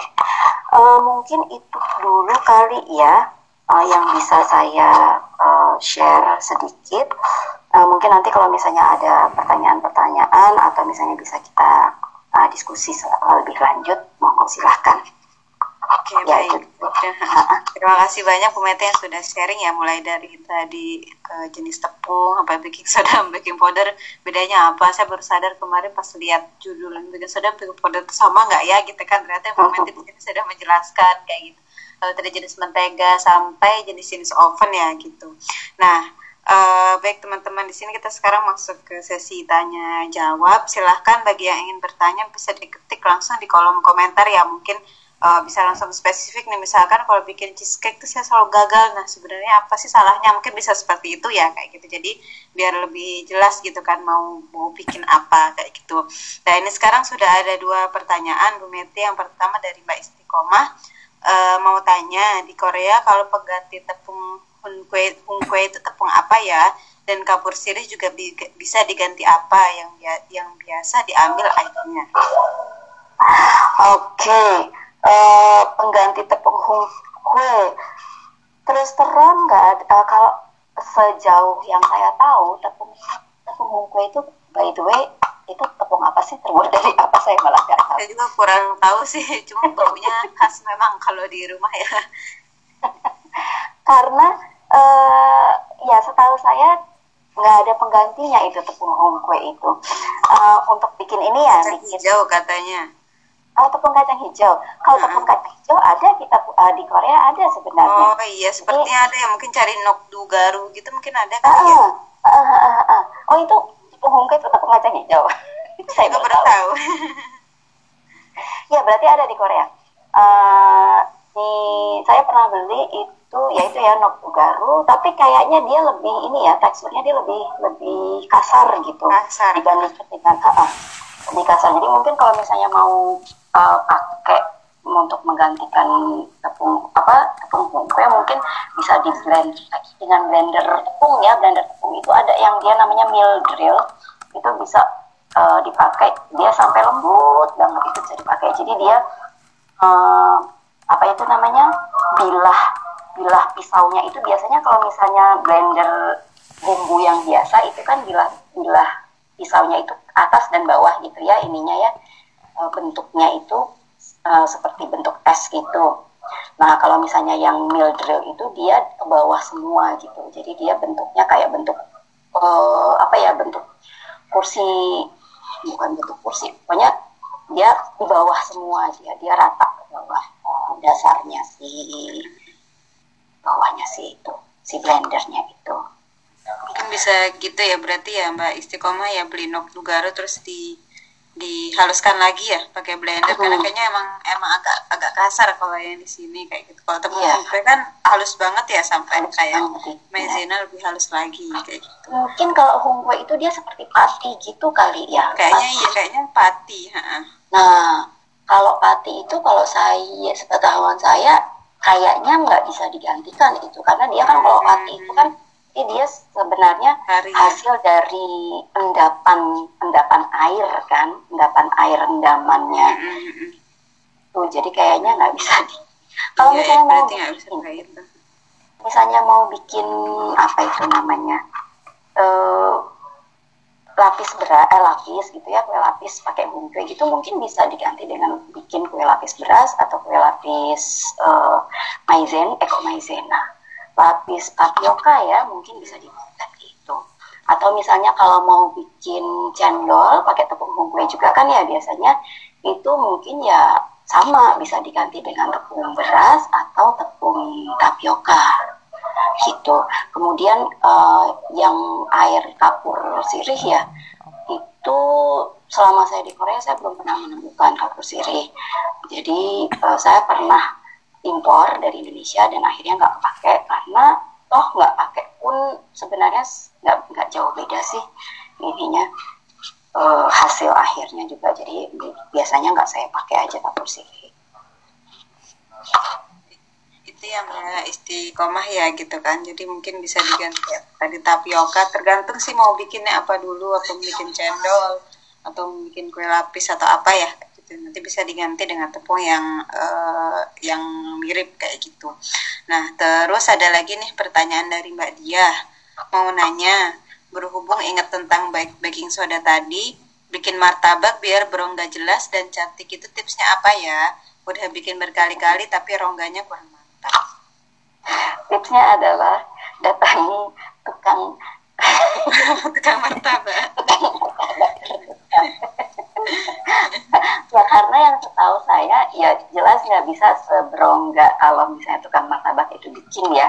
Karena ternyata mereka itu punya tepung martabak sendiri gitu. Yang saya nggak tahu itu eh, kandungannya apa atau gimana saya juga nggak ngerti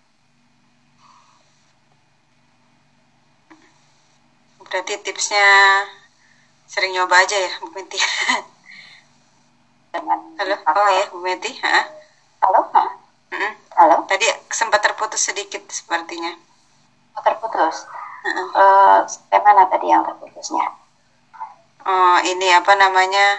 Saya tadi cuma ingat siapa yang datangi tukang martabak. Iya karena tepungnya mereka ini eh, tepung khusus tepung khusus martabak yang itu dijual-jual juga sebenarnya di, di online gitu ya. Ada menjual tepung martabak gitu. Jadi ternyata memang ada rahasianya. Tapi mungkin bisa di eh, bisa disiasati dengan sebenarnya martabak itu kan bikinnya ada dua cara ya. Ada dengan pakai ragi ada dengan pakai baking soda dan baking powder gitu. Nah Eh, saya dulu pernah pak- bikin pakai ragi dan alhamdulillah eh, berhasil gitu. Dengan catatan waktu itu malah saya eh, salah salah baca resep atau gimana gitu. Jadi eh, yang saya bikin itu adonannya terlalu sedikit, terlalu sedikit dan loyang saya besar gitu. Jadi akhirnya yang terjadi adalah uh, si martabaknya itu jadinya tipis gitu loh tipis tapi malah uh, jadi jadi rongga-rongganya tuh bagus gitu jadi mungkin bisa dicoba uh, either loyangnya dilebarin atau uh, apa namanya adonannya jangan semuanya masuk ke dalam loyang sekali jadi gitu. Jadi uh, artinya dia ngangkatnya si adonan si living uh, sorry uh, apa namanya uh, ya leavening agentnya itu racing agentnya itu dia nggak terlalu berat itu untuk mengangkat si adonannya kalau banyak-banyak gitu. Nah jadi bisa dicoba uh, pakai yang resep dengan pakai ragi gitu atau kalau misalnya pun dia pakai baking soda jadi tadi ya baking soda sama baking powder itu kan beda ya Uh, jadi baking soda itu dia bereaksi langsung, kemudian langsung hilang gitu. Jadi dia bikin kalau kita pakai baking soda nih, dia blukutuk blukutuk blukutuknya tuh cepet bagus gitu ya, tapi habis itu langsung hilang gitu. Uh, jadi kalau misalnya kita mau bikin itu baking sodanya di, di atau sebelum kita tuangkan adonan. Jadi misalnya nih kita bikin adonan nih, adonan untuk dua loyang gitu ya. Nah itu jangan kita masukkan dulu baking sodanya, tapi yang satu loyang itu jadi kita pisahkan satu loyang dulu gitu ya. Kemudian kita kasih baking soda langsung kita panggang gitu. Eh langsung kita masak gitu ya di atas kompor. Uh, yang satunya itu jangan dikasih baking soda dulu. Nanti kalau misalnya ini sudah matang baru kita tuangkan adonan yang berikutnya kita tambahkan lagi baking soda gitu. Jadi dia uh, biar reaksinya itu tidak hilang ketika menunggu ketika menunggu gitu. Uh, atau bisa juga uh, kita tambahkan baking soda plus baking powder. Jadi dua-duanya kita tambahkan. Uh, karena ya tadi ya uh, kalau baking soda kan dia langsung uh, reaksinya langsung hilang cepat hilang. Kalau baking powder baking powder itu sudah ada baking sodanya kemudian ada tambahannya lagi. Nah itu dia bikin uh, mengembangnya dia lebih bertahan. Jadi mungkin bisa ditambah semangat ibu ininya bikin coba-coba terus ya. Oke baik. Terus ini itu ya Mbak Diah ya. Lalu ini ada lagi dari Mbak Hana gitu. Uh, uh, kalau bikin pat atau yang pasta kacang merah itu gimana ya? Ah bikin pat pasta kacang merah itu mungkin sama dengan kalau kita bikin uh, isiannya onde-onde jadi si kacang merahnya itu kita rendam dulu tapi mungkin karena kacang merah itu kan dia lebih uh, besar ya dibandingkan dengan kacang hijau ya. Jadi dia mungkin lebih lama sekitar 12 jam atau semalaman lah. Nah, kita rendam dan jangan lupa airnya kita ganti. Apalagi kalau misalnya musim panas ini kan mendekati musim panas, jadi dia cepat ini ya cepat bau airnya ya air rendamannya itu. Jadi kita per dua jam atau uh, per dua jam lah per dua jam atau per tiga jam itu kita ganti airnya. Jadi kita rendam terus agak lama. Kemudian setelah direbus uh, baru uh, sebentar direbus kemudian di blender gitu kah saya juga belum pernah bikin soalnya jadi tapi saya uh, membayanginnya mirip dengan kalau bikin isiannya si onde-onde itu. Jadi uh, direndam. Oh ini dulu di dikukus dikukus dulu ya. Dikukus dulu biar dia agak lembut gitu. Kemudian setelah dikukus biar agak dingin baru kita blender. Nah blendernya itu biasanya kalau misalnya bikin isian onde-onde itu kita saya pakai uh, santan. Saya pakai santan kental. Jadi biar dia nggak terlalu sulit untuk ngeblendnya ngeblendernya. Kalau misalnya mungkin untuk bikin pat itu bisa kita uh, pakai susu kali ya. Pakai susu mungkin atau uh, dan gula. Jangan jangan lupa susu dan gula itu kita blender. Setelah di blender baru kita masak. Kita masak uh, dengan uh, jadi di apa ya namanya digongseng gitu ya. Uh, di diaduk terus diaduk terus sampai airnya itu menjadi sat. Kurang lebihnya kayak gitu. Itu ya Mbak Hana. Mungkin Mbak Hana pengen bikin pengopang ya di rumah. Kayak gitu. Halo Bu Meti? Bu Meti apa sepertinya suaranya tenggelam lagi ya? Tenggelam lagi? Oh iya. Oh, sudah terdengar oh, sekarang. Sudah terdengar lagi? Iya iya mungkin apa lewat lewat Cina ya jadinya. Tenggelam lagi tenggelam lagi ya maaf ya iya nggak apa-apa Meti itu ya, itu ya tadi ya, ya. Mbak Hana itu tadi jawabannya bikin pasta kacang kacang merah. Uh, terus ada lagi pertanyaan dari teman-teman di sini. Mungkin bisa diketik ya.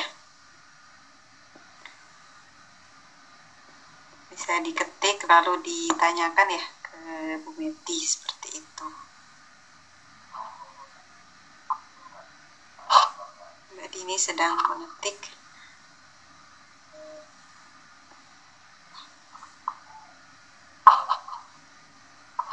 Sambil nunggu mungkin uh, saya nambahin tentang coklat dan keju kali ya. Bahan-bahan uh, yang uh, cukup sering sering kita ingin pakai tapi sering ditanyakan juga gitu. Uh, jadi kapan ke Korea atau dikirimin itunya uh, tiket pesawat pulang pergi ya Din ya. jadi uh, coklat uh, dan keju. Keju itu nah sayangnya di Korea itu tidak ada uh, keju yang seperti keju keju cheddar Keju crushnya cheddar ya yang buat Ya, nastar itu ya? Hmm, eh buat nastar keju buat nastar. sih di atas kastengel kastengel. Kastengel pakai keju keju. oh iya nastar keju enak itu buat itunya buat adonannya atasnya Ya, eh, jadi eh, saya tuh pernah ya nyoba pakai keju cheddar yang ada di Korea untuk bikin eh, waktu itu saya pakai untuk bikin apa ya pokoknya untuk campuran ke- eh, campuran oh ini bikin untuk keju parut gitu di atasnya ini keju tabur gitu ya.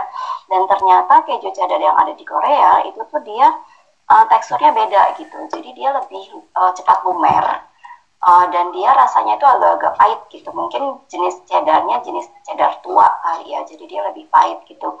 Jadi sebenarnya cheddar yang ada di Korea dan sebenarnya yang ada di internasional gitu ya Indonesia aja kali yang yang enak punya uh, craft craft cheddar itu ya atau cheese cheddar jadi uh, yang biasanya untuk bikin kue di uh, resep-resep internasional itu adalah resep dari, dari luar bukan Indonesia itu hanya pakai cream cheese.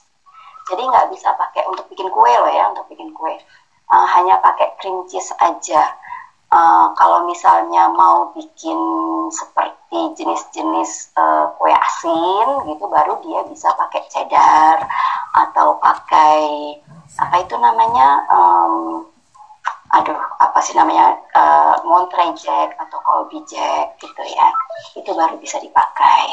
Uh, jadi cheddarnya beda dengan Indonesia. Kalau misalnya pun mau kita pakai seperti uh, cheddar uh, di Indonesia itu ya mungkin bisa kita pakai keju cheddar tapi yang yang ini yang slice. Yang slice itu bisa uh, apa ya tekstur dan baunya dan rasanya itu mirip dengan keju cheddar yang kita punya di Indonesia yang slice itu kalau aman itu katanya yang ini ya produk Seoul Uyu sama yang Home Plus itu ya. Yang katanya dia uh, insya Allah aman gitu bisa kita konsumsi. Itu kalau cheddar. Uh, itu tentang keju kemudian tentang coklat. Coklat itu yang jelas jangan uh, uh, ya pilih coklat yang uh, lecithinnya dia dari dedu gitu ya dari uh, uh, tumbuhan dan alhamdulillah kalau misalnya kita kebangsaan ya uh, itu banyak uh, coklat-coklat yang produksi Indonesia gitu. Jadi saya sering menemukan yang produksi Indonesia itu uh, insya Allah uh, lecithinnya dari dedu dari uh, dari tumbuhan. Dan sebentar saya mau ngomong apa kan lupa. Uh, sebentar coklat-coklat cok. Aduh lupa. Nanti deh saya tambahkan. Lupa Oh, Hmm, ya. ya, ha, ha, saya agak lupa eh, tentang coklat itu tadi. Lintas terus lupa. Nanti saya tambahkan kalau saya ingat deh. atau mau lanjut ke ini nih pertanyaan? Iya boleh boleh. sudah ada dua pertanyaan ya. Itu tadi sekilas tentang keju sama coklat. Lalu ini ada pertanyaan dari Mbak Bella. Gimana biar kue nggak kempes saat mateng ya Bu Meti? Halo Bu Meti? Halo. Oh iya ha Ah, Ah, iya ah. jadi tadi, tadi mungkin nggak terdengar ya gimana biar kue nggak kempes saat mateng ya Hmm oke. Gimana biar kue nggak kempes saat matang? Itu eh, apa ya? Banyak banget ininya. Banyak banget eh, kemungkinan kemungkinannya. Jadi ada satu kemungkinan bahwa ketika memasukkan eh, margarin atau mentega yang margarin dan menteganya itu dia terlalu cair yang itu yang me- melelehkannya dia terlalu mencair gitu ya. Jadi tinggal minyaknya doang nggak ada mentega nggak ada unsur menteganya. Itu bisa atau misalnya em, panas-panas dimasukkan ke dalam adonan itu juga bikin bisa bikin adonan eh, oh itu bantat nih ya bukan bukan kempes. Oke kalau kempes itu kemungkinan eh, pengocokan telurnya itu kurang kurang apa ya kurang kurang kental atau justru terlalu kental jadi tergantung metodenya eh, pakai metode yang mana. Kalau misalnya dia metodenya all in one atau mentega eh, metode mentega plus gula atau yang menteganya di akhir itu tuh memang kalau misalnya mau eh, mengocok telur itu harus benar-benar eh, telur eh, kocokannya itu kental. Eh, kalau misalnya dia belum kental berarti kan apa ya? Jadi gelembung-gelembung udara di dalam adonan itu dia belum sempurna gitu. Uh, itu tuh bikin dia mumbul tinggi, kemudian ketika dikeluarkan dia jadi kempes gitu. Nah, uh, kalau bisa uh, misalnya kayak gitu, pastikan bahwa si adonannya itu dia benar-benar pas kental banget, jadi dia nggak akan turun, jadi dia akan stabil gitu. Uh, nah, itu kalau misalnya kita masih pemula ya, masih pemula itu uh, ya mau nggak mau uh, bisa kita bantu dulu, bantu dulu dengan penggunaan ya si uh, emulsifier itu yang si TBM atau SP atau Valet itu uh, kita pakai dulu nggak apa-apa nah, sebagai pemula ya. Uh, nanti kalau misalnya kita udah tahu selahnya nih, oh ini kemarin karena ini jadinya dia ngembang terus kempes gitu ya, itu mungkin bisa kita singkirkan yang bahan-bahan tambahannya itu. Uh, atau bisa juga justru dia terlalu uh, ngocoknya terlalu kenceng gitu. Uh, kalau misalnya dia metodenya metode pisah telur, kalau yang sejenis Japanese cheesecake itu, uh, dia jangan terlalu kaku justru. Karena kalau terlalu kaku, ngocok putih telurnya, itu nanti putih telurnya dia kan uh, udaranya terlalu banyak. Jadi dia akan mengembang sangat tinggi, kemudian ketika oven dibuka, dia akan kempes banget gitu. Nah itu uh, ya itu di, uh, bisa bisa terjadi seperti itu. Atau bisa juga uh, perubahan suhu yang terlalu mendadak. Uh, jadi uh, uh, apa ya? Jadi ketika uh, kita ini nih oh, si uh, roti uh, kue ini lagi masuk di oven nih kemudian belum matang nih belum sampai uh, jadi kan katanya uh, kalau misalnya kita manggang kue itu cake itu jangan buka-buka tutup oven sebelum dia dua per tiganya dari waktu yang dibutuhkan. Jadi kalau misalnya waktu yang dibutuhkan adalah satu jam 60 menit, itu 40 menit jangan dibuka tutup dulu, karena dia itu belum stabil uh, uh, naiknya. Kalau misalnya dia sudah dibuka tutup, itu nanti dia uh, akan kempes banget dia jadinya. Jadi karena dia belum mengembang dengan stabil itu. Uh, karena dia nanti kan jadinya suhunya lagi pengen suhu panas tiba-tiba dibuka jadinya kan suhunya turun gitu. Jadinya jangan jangan dibuka dulu nanti ketika sudah 23 2 per 3 dari waktunya baru bisa kita buka sedikit. Uh, cepat-cepat dibuka jangan jadi kalau misalnya kita mau putar nih putar putar oven loyangnya gitu ya itu kita cepat-cepat aja gerak cepat gitu. Kita buka langsung set langsung ditutup lagi gitu. Jadi jangan dibuka ambil lap kemudian baru kita putar, kemudian lapnya ditaruh, kita tutup lagi itu kelamaan. Nanti dia bikin uh, langsung turun lagi uh, adonannya. Jadi seperti itu. Uh, atau bisa juga uh, ketika si kue itu sudah mateng, jadi jangan kita langsung keluarkan dulu. Jadi kita buka dulu ovennya sedikit, kita ganjel dengan uh, apa ya? Ganjel dengan sesuatu supaya ada celah sedikit di antara pintu dan uh, pintu ovennya itu. Jadi dia udara udara dinginnya itu masuk tapi nggak mendadak gitu. Jadi ses, uh, sekitar lima menit aja lima menit, baru kemudian kita buka, baru kuenya kita keluarkan. Itu juga bisa uh, membantu si cake-nya itu nggak turun secara uh, kaget kaget turunnya atau bisa juga banyak ya bisa juga ketika kita masukkan adonan itu uh, jadi ada kalau misalnya uh, jenis jenis adonan kue yang itu harus kita apa ya kita hentakkan dulu si loyangnya itu sebelum masuk ke oven gitu. Nah itu mungkin kita lupa hentakkan. Jadi mungkin masih ada udara yang terperangkap gitu di dalam adonan dan itu yang membuat jadi udara itu ketika kena panas ya kena kena udara panas dia akan uh, membesar gitu membesar tapi nggak ada isinya gitu jadi cuma udara doang dalamnya itu ketika kemudian kita buka oven kan nggak ada isinya tuh cuma udara doang ya udah udaranya itu dia turun lagi gitu itu juga bikin uh, adonannya jadi turun lagi kuenya. Jadi kita hentakan sedikit, mungkin dua atau tiga kali hentakan lembut aja. Jadi jangan dibanting ya. Kalau dibanting nanti si ini juga Mariam juga kaget, apalagi ininya, apalagi adonannya Mariam aja kaget kan.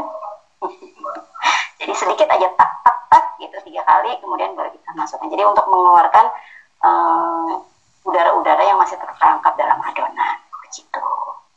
Begitu Mbak Bella. Ya gitu ya Mbak Bella tips-tipsnya gitu kan banyak. Jadi nanti tinggal diidentifikasi satu-satu. Jadi kemarin saya kurangnya di mana baik ini ada lagi dari Mbak Dini kalau bikin cookies atau macam brownies yang cheddarnya nggak cepet lelah itu pakai apa ya di Korea ini kayak craft ya kalau kita ya keju craft cheddar itu jadi biar habis di oven tuh tetap cantik dan nggak lumer nah sayangnya nggak ada Din Iya, saya juga pernah dengar Bu Meti cerita tetap impor dari Indonesia ya. Iya, saya selalu Korea- impor dari Indonesia. Karena di Korea emang semua kejunya leleh ya kalau di Lumer, makanya. Jadi kalau di cuman. Cuman di Indonesia itu aja yang yang si cheddar itu dia kokoh ya jadi kuat kuat panas. Bisa juga sebenarnya tapi dia rasanya tidak seperti cheddar. Jadi dia eh, kita pakai hmm, keju apa ya yang namanya yang keju tua itu keju edam. Keju edam atau satu lagi eh, selain edam ada satu lagi keju tua. Dia aduh apa ya namanya Eh, itu juga bisa dipakai jadi dia eh, keras memang eh, ininya teksturnya tuh keras Eh, jadi dia nggak akan lumer gitu aduh lupa namanya intinya yang tua-tua yang berarti ya kayak gitu. Sana emang tahu saya keju cheddar Indonesia juga. Halo Bu Meti. oh eh, Oh iya. eh, sudah yakin eh, apa ya biasanya kalau saya mencari ini ya si kehalalan mem- memastikan kehalalan eh, bahan-bahan yang enggak ada ininya enggak ada label halalnya itu biasanya saya browsing. Jadi langsung saya masukkan merek gitu. Jadi misalnya eh, dari dari Tilamok gitu ya is eh, cheddar Tilamok halal gitu. Itu biasanya ada beberapa. Dan saya nggak melihat cuma satu laman aja nggak cuma satu website aja tapi saya cross check gitu cek recheck ke beberapa ke beberapa website gitu. Kalau misalnya website yang satunya itu bilang ha- ha- bisa dimakan yang satunya enggak berarti saya saya singkirkan dulu gitu. Tapi kalau misalnya ya itu us- usaha saya sih. Usaha saya untuk memastikan bahwa uh, yang saya beli itu ya insya Allah bisa di ini bisa dipertanggungjawabkan gitu aja. Kalau misalnya eh, keju tilamok keju tilamok itu eh, tilamok itu merek ya. Eh, tilamok itu merek. Jadi jenisnya itu ada jenis Colby Jack atau Monterey Jack atau cheddar juga ada dari tilamok. Nah, jadi cheddar pun ada cheddar muda. Eh, itu biasanya sih buat kue-kue yang eh, yang asin. Biasanya saya pakai atau misalnya untuk bikin pasta atau bikin apa namanya eh, pasta panggang atau kentang panggang yang kayak gitu kayak gitulah atau muffin lah muffin masih bisa kita pakai yang untuk Colby Jack atau Monterey Jack itu tapi kalau misalnya untuk yang di atas untuk yang tidak meleleh itu ah belum bisa dipakai yang oh, oh. Oke, baik itu ya Mbak Dini jawaban dari Bu Meti. Eh, mungkin kita sudah ya karena sekarang sudah jam 10.30 waktu Korea kita kan sudah cukup malam. Eh, terima kasih banyak Bu Meti gitu untuk eh, materinya hari ini.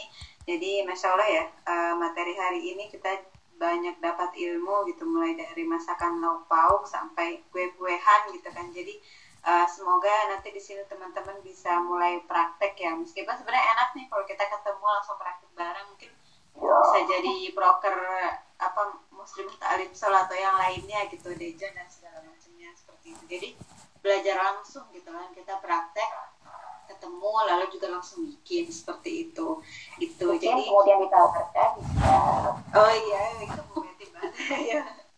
Ya udah kayak gitu ya. Jadi emang nanti hobinya menghasilkan gitu maksudnya nggak cuma buat keluarga tapi juga bisa buat orang lain tapi memang ada ada bayarannya seperti itu. Itu kan jadi, jadi bisa jadi peluang usaha ya Bu Meti ya. Dan kalau saya sebenarnya ini juga sih eh, ya cara cara cara lain saya untuk berdakwah itu seperti itu ya. Jadi saya eh, saya ingin apa ya memastikan yang yang saya jual itu tuh itu tuh insya Allah aman gitu.